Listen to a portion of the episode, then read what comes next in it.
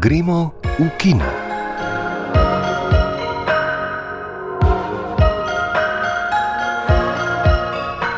Dobrodan in dobrodošli v naši oddaji o filmu. Bliža se konec leta, zato se bomo sprehodili po minuli filmski sezoni, kot smo jo lahko spremljali skozi oči naših kritiških peres. Izpostavili bomo nekaj presežkov, tako domačih kot tujih, po katerih si bomo zapomnili leto 2022 in tisto, ki prihaja, tudi na televizijskih zaslonih, ki doživljajo zlato dobo s pretočnimi platformami.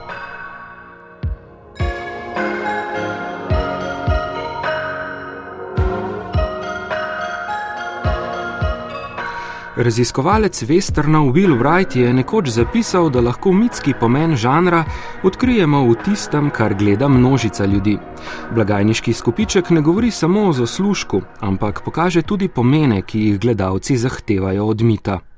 Podobno pravi profesor filmskih študij Louis Gianetti. Takšna analiza je najučinkovitejša v popularnih žanrih in filmih, ki odražajo skupne vrednote množičnega občinstva. In naš pregled filmskega leta 2022 začenjamo prav z njimi.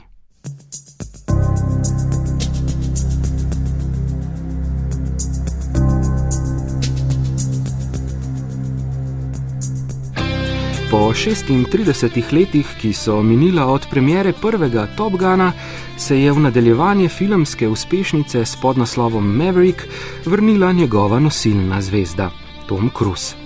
Filmski svet se je vmes korenito spremenil, tako kot zvezda, ki je ta čas zabredla v scentološko sekto. Gledalci smo medtem doživeli razcvet domačega videa, od zbiranja videokaset do zbiranja naročnin na spletne pretočne platforme. Toda velike uspešnice, kot nam kažejo podatki, si še vedno najraje ogledamo v kinu. Če pogledamo v svetovnem merilu po milijardnih blagajniških izkupičkih, leto znova vodijo nadaljevanja in filmske franšize. Novi Minioni in Jurski park, pa tudi znanstveno-fantastična uganka o soobstoju usporednih svetov. Film vse posod naenkrat, ki mu, kar se števila gledalcev tiče, že po dveh tednih za vrat diha nov podvig Jamesa Camerona. Nadaljevanje avatarja s podnaslovom Pot vode čeprav zahtevnejšemu gledalcu ne ponuja veliko slogovnih, neosebinskih, brez dvoma pa intenzivne hitrostne presežke, je letos kralj kinodvoran Top Gun Maverick.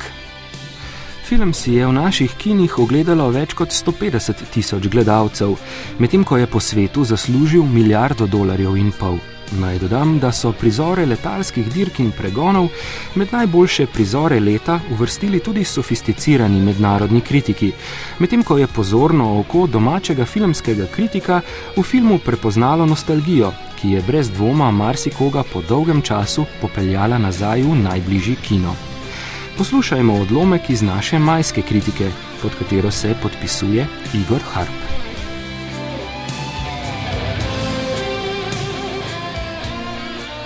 Leto 1986 je daleč in postavlja se vprašanje, kako se lahko danes obnese nadaljevanje v tem povsem drugačnem svetu.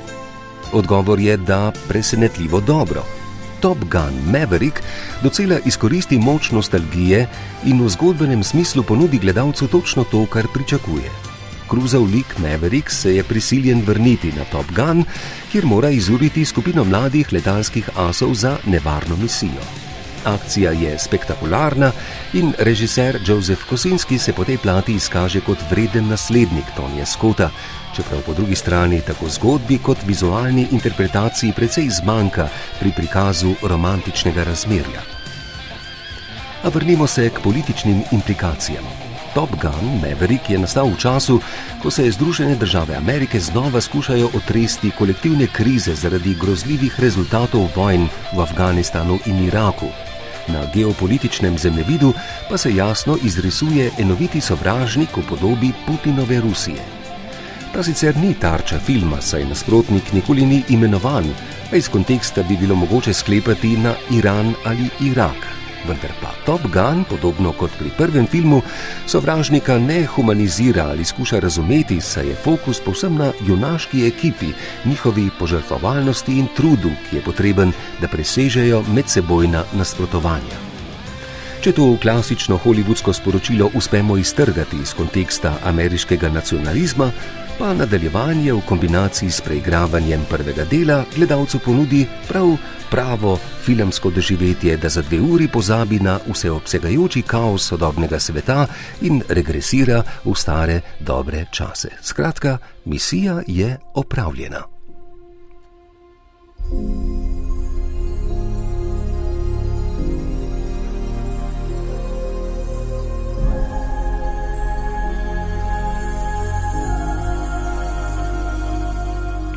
Potem, ko so se kinodvorane v zadnjih dveh letih izmenično zapirale in odpirale in smo po sili razmer opažali znaten osip obiskovalcev, se je film vrnil tako v kino kot na mednarodne festivale. Kraljuje tudi na pretočnih platformah, kjer si naročniki lahko ogledajo kar nekaj istopajočih naslovov, ki bodo, kot je po razglasitvi finalistov za Oskarjevske nominacije že jasno, zaznamovali prihodnje filmsko leto. Med najboljšimi naslovi, dostopnimi na pretočnih platformah, naj na tem mestu saj omenimo protivojni film, ki ga je nemški režiser Edward Berger posnel na podlagi romaneskne klasike Eriha Marije Remarka na Zahodu nič novega. Brutalen prikaz Prve svetovne vojne in izjemno delo v žanru vojnega filma z vselej aktualnim humanističnim sporočilom je na male zaslone prišlo ob pravem času, ko je stara celina znova v primežu pozicijske vojne v Ukrajini. Omenimo še en naslov, ki ga ne gre zamuditi. Netflix ponuja tudi novega ostržka v zahtevni in zamudni stop-motion tehniki, ki ga je v svojem prepoznavnem avtorskem slogu režiral Oskarjevec Guillermo del Toro. Dogajanje je, prav tako kot roman Eriha Marije Remarka, postavil v čas velike vojne.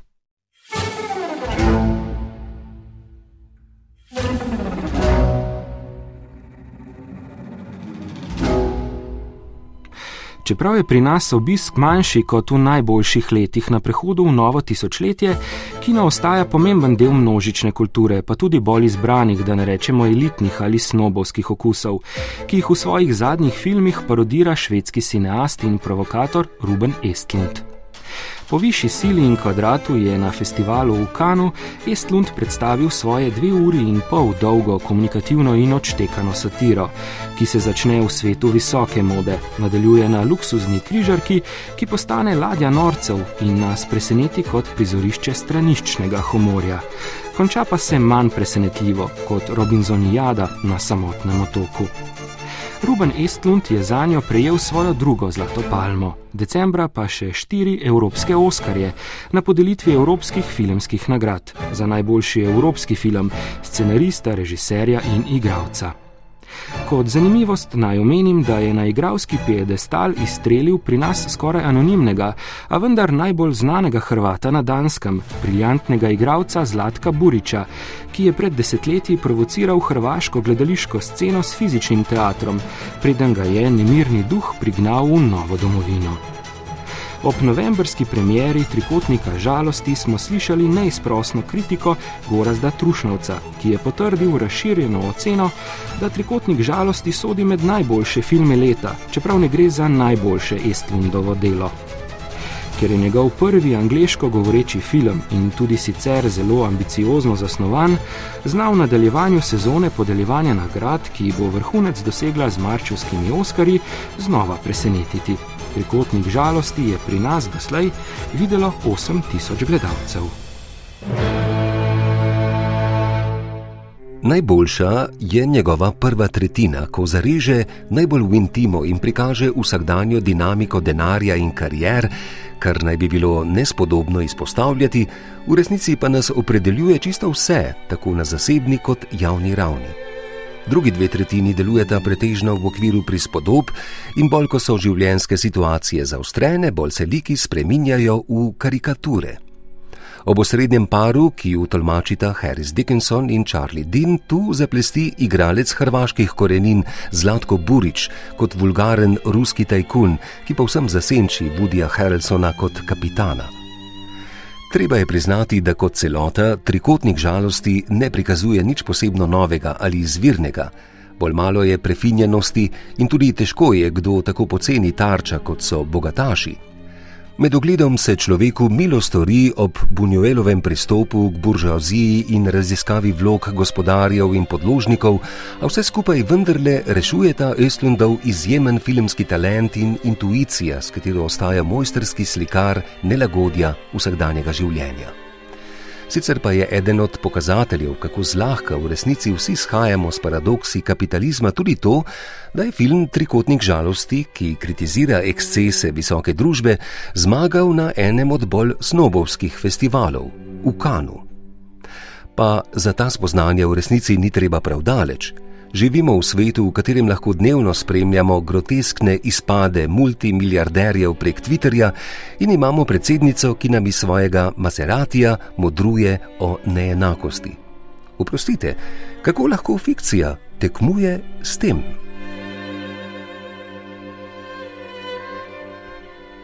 Ko omenjamo velikana sodobnega evropskega filma Rubna Estlunda, pa od letos naprej ne moremo izpustiti domačih filmarjev in filmark, ki so skupaj z njim slavili na podelitvi evropskih filmskih nagrad. Nagrado za najboljši kratki evropski film je prejela in s tem poskrbela za enega od največjih uspehov sodobnega slovenskega filma, režiserka Urška Džukič, soavtorica kratkega animiranega filma Babičino seksualno življenje. Nastal je na podlagi zapisov iz knjig Milene Miklavčič, člane Evropske filmske akademije, pa je prepričal s temo o preslišanih glasovih žensk, kot so zapisali v temeljitvi. Urško Džukič je po tem velikem uspehu, za katerega srčno upamo, da bo pospešil izboljšanje dolgo pričakovanih in napovedovanih domačih produkcijskih razmer, pred mikrofon povabila Tesa Drevjuh. Ustvarili ste že več zanimivih kratkih filmov, za nje ste prejeli tudi že veliko nagrad. Eh, tudi za študentski film um, Dober tek življenje, vesno za uh, najboljši kratki film. Ko si človek ogleda vaše filme, postane očitno, da imate res zelo samo svoj avtorski pristop. Pa ste vedno vedeli, da želite delati filme? Ja, mislim, da sem vedela, sam sem se tega mal bala. Um, jaz imam pa v bistvu zelo rada film, ampak na en gledam kot nek, neko tak, nek skupek različnih umetnosti in um, ki je neko polje, v katerem lahko raziskujem. In na umetnost v bistvu filmsko gledam bolj kot na, na nek način kot na znanost, ki način, na katerega lahko raziskuješ nove umetniške izraze, no, nekaj novega lahko odkriješ. Ne. Um, zaradi tega mi je pač film tako zanimiva umetniška forma, ki pač združuje vse, vse, kar obstaja. In vse umetniške forme, in filozofijo, in psihologijo, in um, ja, fiziko, in ne vem, vse, pač, kar je v bistvu na, način, na katerega delujemo v tem svetu. Ne? Mislim, da je to film. Pa še v bistvu likovno umetnost v animiranih filmih ki spet res ponuja nek čist svoj izraz. Ja. Kaj pa je najbolj vplivalo na vaše ustvarjanje? Obstaja kakšno umetniško delo, za katero bi rekli, da vas je um, najbolj zaznamovalo? V bistvu ne, ne obstaja samo eno umetniško delo, kar je veliko enih stvari, seveda vplivalo na me, ko sem odraščala.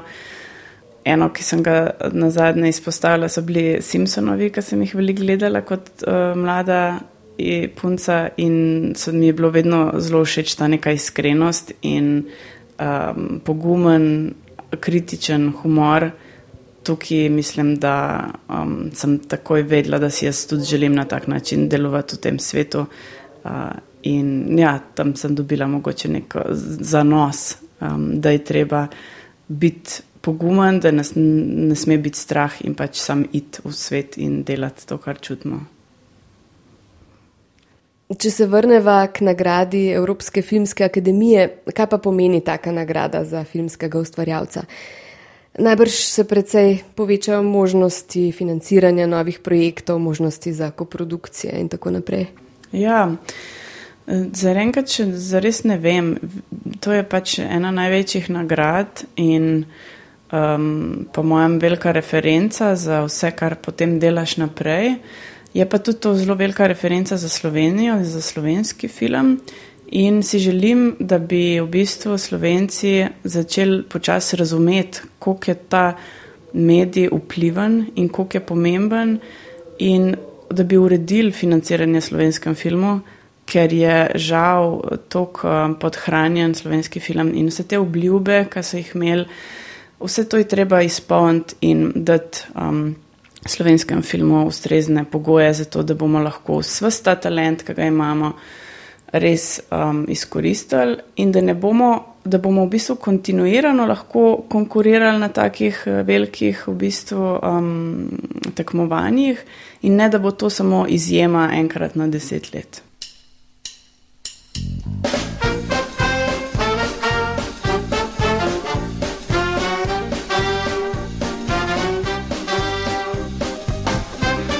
leta še ni čisto konec, se lahko kar nekaj slovenskih filmov že pohvali z zlatimi rolami.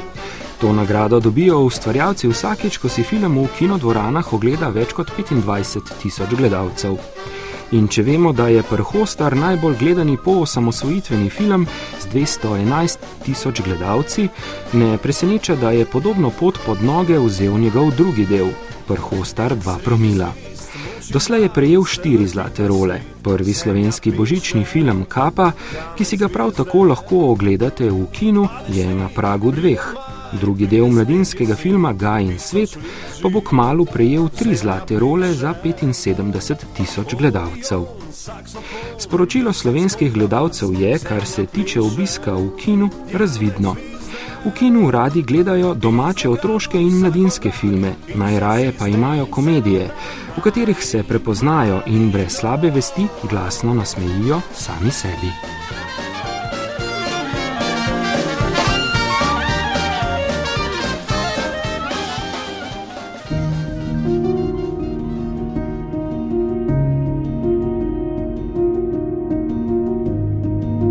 Na drugi strani imamo zahtevnejše domače avtorske filme, ki prav tako najdejo svoje občinstvo.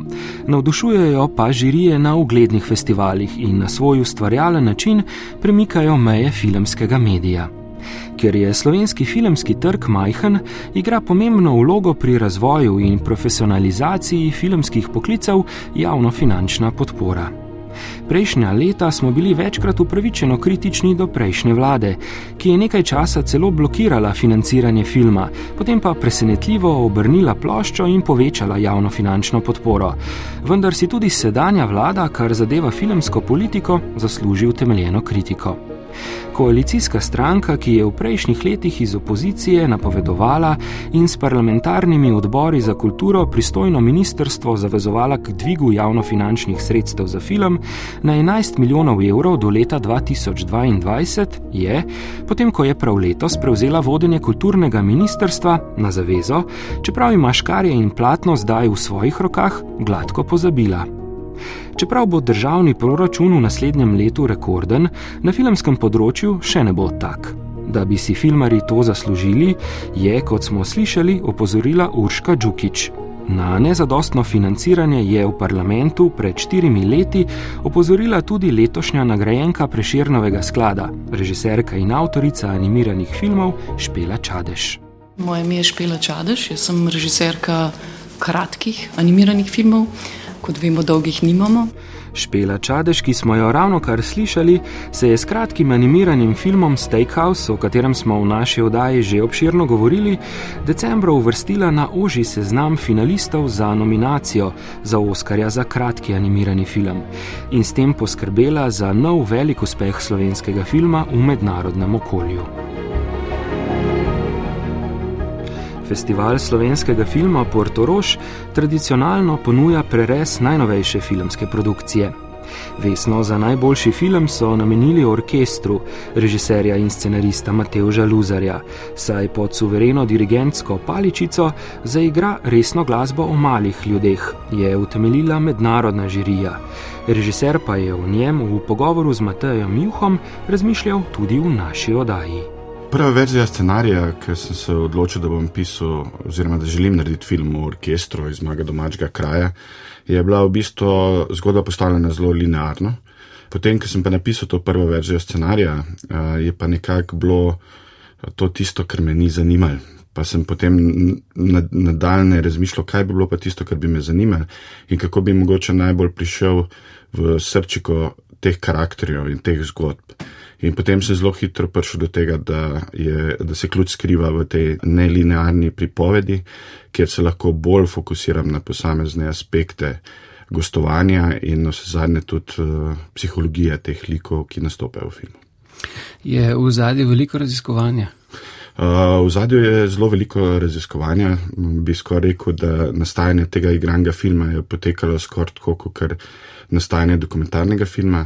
Zelo veliko sem potoval s samim orkestrom, ker sem se enkrat odločil, da bom delal film o njih, oziroma o orkestru. Sem bil z njimi skoraj na vseh gostovanjih, na vseh um, špilih, kot bi v Zagorju rekli, in na vse zadnje tudi na vseh budnicah prvomajskih. No, pomembno vlogo v filmu ima fotografija. Kdaj in zakaj je padla odločitev o črno-beli tehniki? To je vprašanje, ki ga seveda dobim vsakokrat. Uh, uh, to je bil nek proces, kako smo prišli do tega.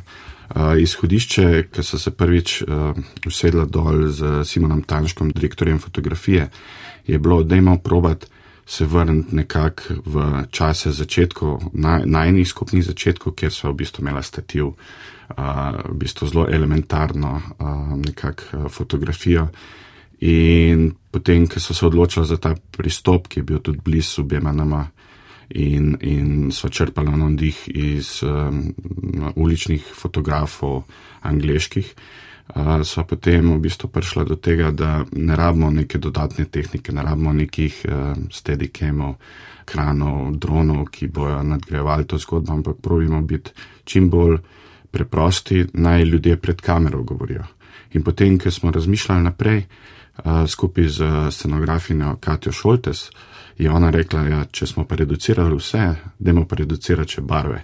In v bistvu je imela prav, je imela nekaj, kar je mogoče Simonu in meni že bilo skozi nekaj v, v zadju, potem smo nekako vsi šli v to skupno odločitev in smo seveda veseli, ker um, se mi zdi, da to vrstna fotografija še poudari in ta kom, socialno komponento in seveda tudi karakterje, ki, so, ki nastopajo v filmu. Režiser orkestra Mateo Šluzar je omenil direktorja fotografije Simona Tanška, ki je na festivalu slovenskega filma prejel Vesno.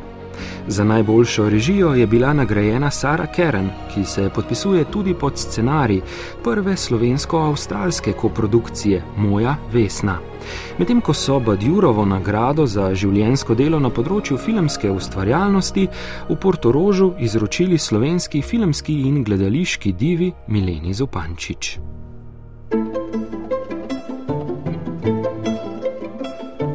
Preden sklenemo filmski pregled leta, poglejmo še na naše televizijske zaslone. Naš kritiški sodelavec Moani Sinanovič je pripravil pregled izstopajočih tujih televizijskih serij, ki so se leto zagnale ali doživele nadaljevanje z novimi sezonami. Priljubljenost spoznanja, da živimo v zlati dobi televizijskih serij, ki so se medtem skoraj v celoti preselile med spletne pretočne vsebine, je dosegla vrhunec že pred leti. Skoraj bi lahko rekli, da serije prihajajo v dobo, ki je nasledila zlato. Ponudba kvalitetnih vsebin je velikanska, povprečna gledalka ali gledalec se v njej lahko izgubi. Hkrati pa je morda že opaziti blago pešanje gledalske kondicije, saj se kljub izvirnim idejam dramski vzorci nekoliko izčrpavajo. Ustvarjalci pa v iskanju novih niš vedno bolj segajo po elementih praznega spektakla seveda pa talentov in prebojev, ki nas pristno nagovorijo, ne zmanjka. Ko pregledujemo tuje sezname najboljših serij leta, ugotovimo, da so si med seboj precej različni in da v veliki ponudbi vsak kritik izlušči kaj posebnega. Še sreča, da imamo spletno stran Rotten Tomatoes, ki zbira vse opaznejše kritike in beleži njihovo povprečje. Na prvem mestu njihovega matematičnega seznama najdemo serijo The Bear, ki se loteva brutalnih delovnih okolij profesionalne kulinarike. Sledi Hardstopper, serija o najstniški LGBT romanci, na to tretja sezona Berija, serije o starelem poklicnem morilcu. Kot kaže, so muslimani v ameriški popularni kulturi izgubili status dežurnih negativcev, saj je poleg serije Rami, ki se je bomo dotaknili tokrat, doživel veliko odobravanje tudi Mo, ki se podobno kot prvi loteva priseljenske, kulturne in duhovne izkušnje mladih muslimanov v Združenih državah Amerike še naprej pripričujejo stari znanci, saj so uspeh pri kritiki doživele nove sezone serij Pokličite Sola, Euforija, Westworld in drugih.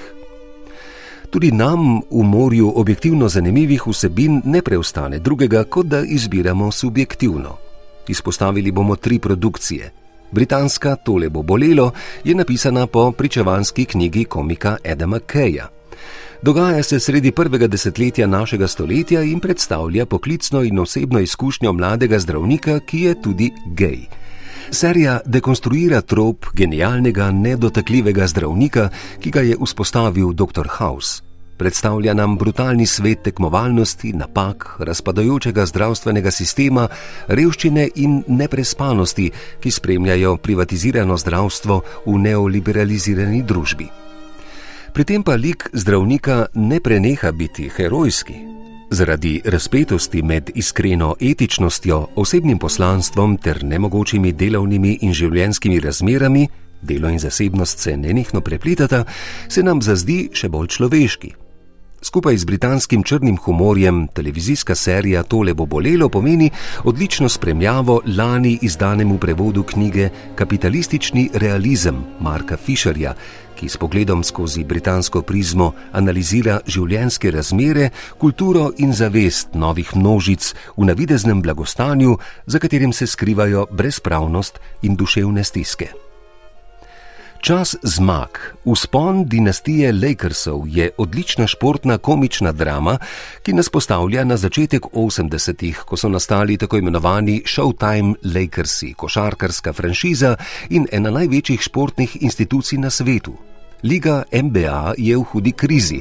Takrat pa se pojavi Jerry Buss, playboy ter nekdani vrhunski znanstvenik in investitor in moštvo prevzame pojavi se tudi Magic Johnson, igralec s širokim nasmehom in ena prvih javnih osebnosti, ki so povedale za okužbo s HIV.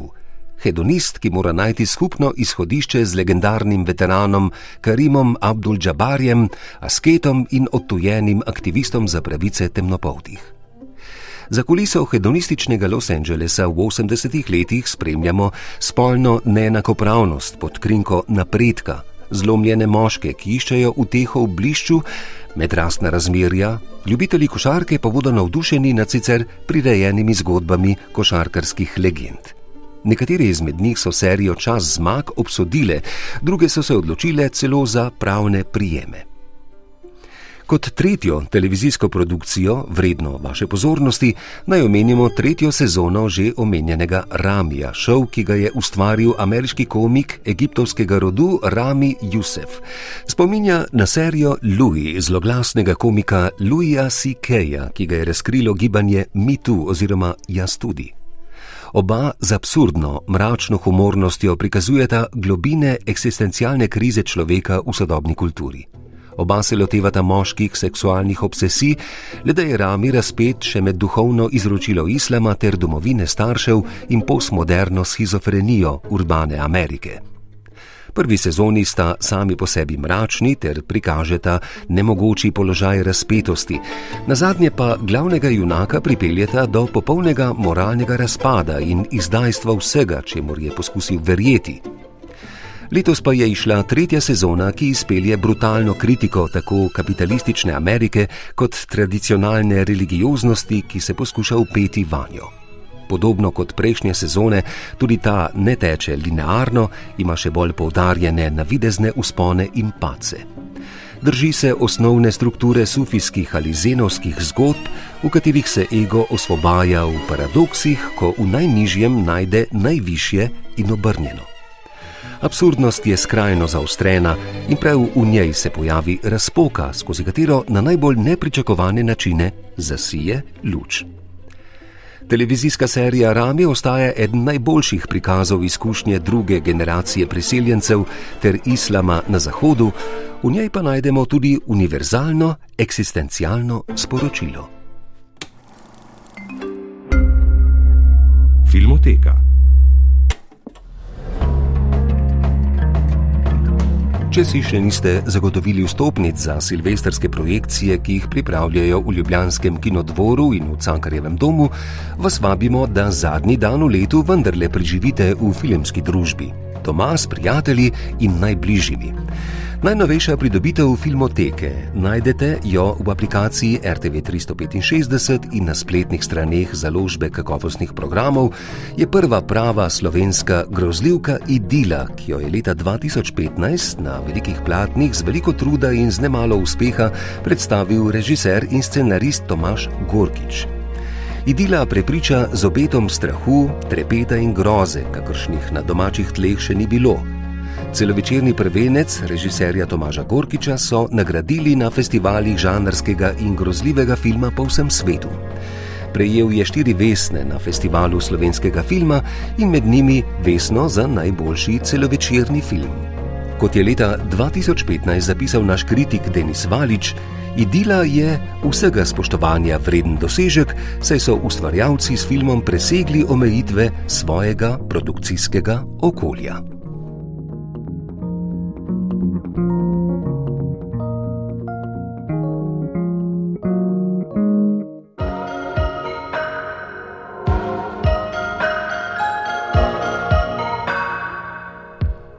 Dragi poslušalci, drage poslušalke, ustvarjalci oddaje Gremo v kino, tudi vam želimo, da v novem letu presežete morebitne omejitve okolja. Želimo vam vse dobro in obilo filmskih užitkov. Z vami smo bili glasbena upremljevalka Tina Ogrin, tonska mojstrica Klara Otorepec in napovedovalec Igor Velše. Oddajo sem uredil in vodil Urban Tarman. Zdaj pa vam več glasno voščimo samo še srečno v dobri filmski družbi.